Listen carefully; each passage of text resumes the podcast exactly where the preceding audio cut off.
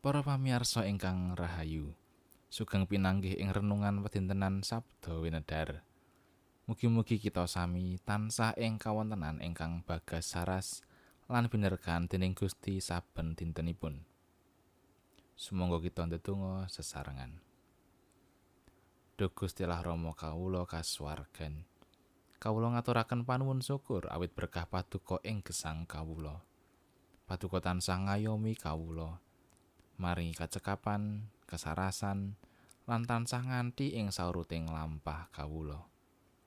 Kawula ugi ndongaaken kangge sederek-sederek kawula ing papan pundi kemawon. Mugi Gusti ugi berkahi, kados dene paduka ugi berkahi kawula. Nah sekedhak malih kawula badhe nampi berkah karohanen saking paduka. Mugi Gusti nyagetaken kawula, bikak manah kawula. Supados sabda pangandika paduka saged kawula cakaken ing gesang kawula. Matur nuwun doalah sakathahing dosa lan kelepatan kawula mugi paduka kersa paring pangaksami. Wonten ing Gusti Yesus Kristus kawula unjukaken pandonga kawula. Amin. Para pamirsa, waosan kapendet saking Lukas bab 9 ayat 1 ngantos 6. Injil Lukas bab 9 ayat setunggal ngantos 6 Sumangga kita waos sesarengan. Para rasul padha kautus. Kacarita Gusti Yesus nimbali sakabate rolas. Padha kaparingan kasekten lan panguwasa misesani demit lan marasake lelara Banjur padha diutus martakake kratoning Allah lan marasake wong loro. Sarta padha dipangandikani mangkene Aja padha nggawa apa-apa kanggo ana ing dalan. Aja nggawa teken utawa sangu roti utawa dhuwit utawa klambi rangkep. Lan menawa kowe wis ditampani ana ing sajiwijining omah, kowe terus ana ing kono lan anggonmu mbacutake lakumu iya saka ing kono.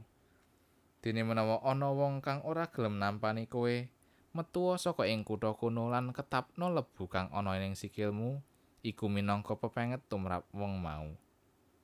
Para sekabat banjur padha mangkat njajah saking padesan. Ngabarake Injil sarta marasake wong loro saanggon-nggon mekaten pangandikanipun Gusti. Ayat nas inggih menika ayat kalih. Banjur padha diutus martakake kratoning Allah lan marasake wong loro ira-iraan renungan dinten menika inggih menika ngemuti timbalan lan pangutusan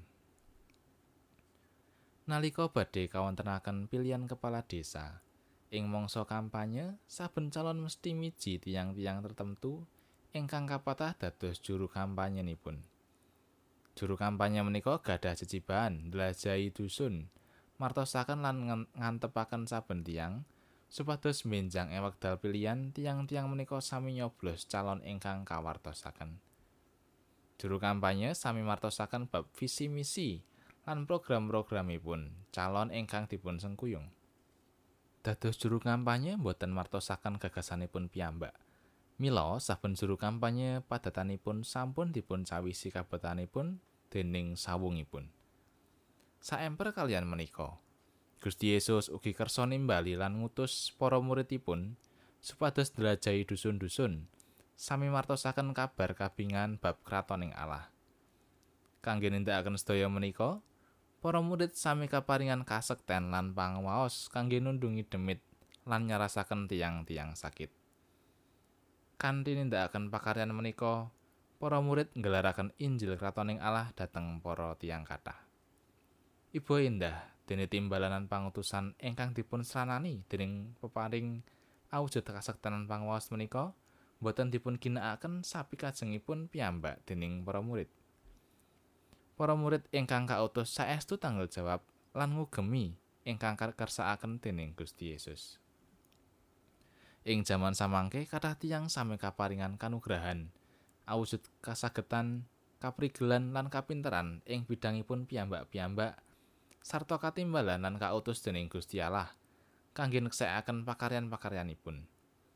Mila saben tiyang menika sami nggadahi panyambut damelipun piyambak-piyambak minangka srana neksekaken pakaranipun Gusti Allah. Namung iman sanget dene kathah tiyang kesupen kalian timbalanipun.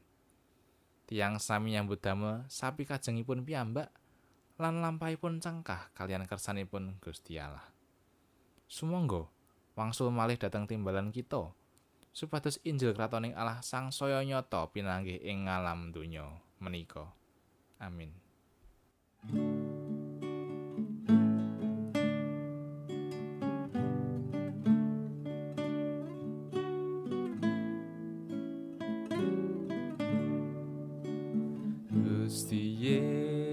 Yesus kula badhe nderet tuan slaminyo dere manggul salib tuan sajekula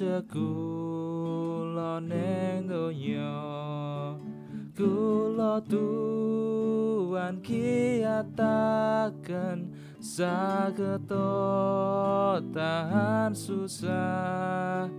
Sampun ngantos kemuritan sampun juwa ing manah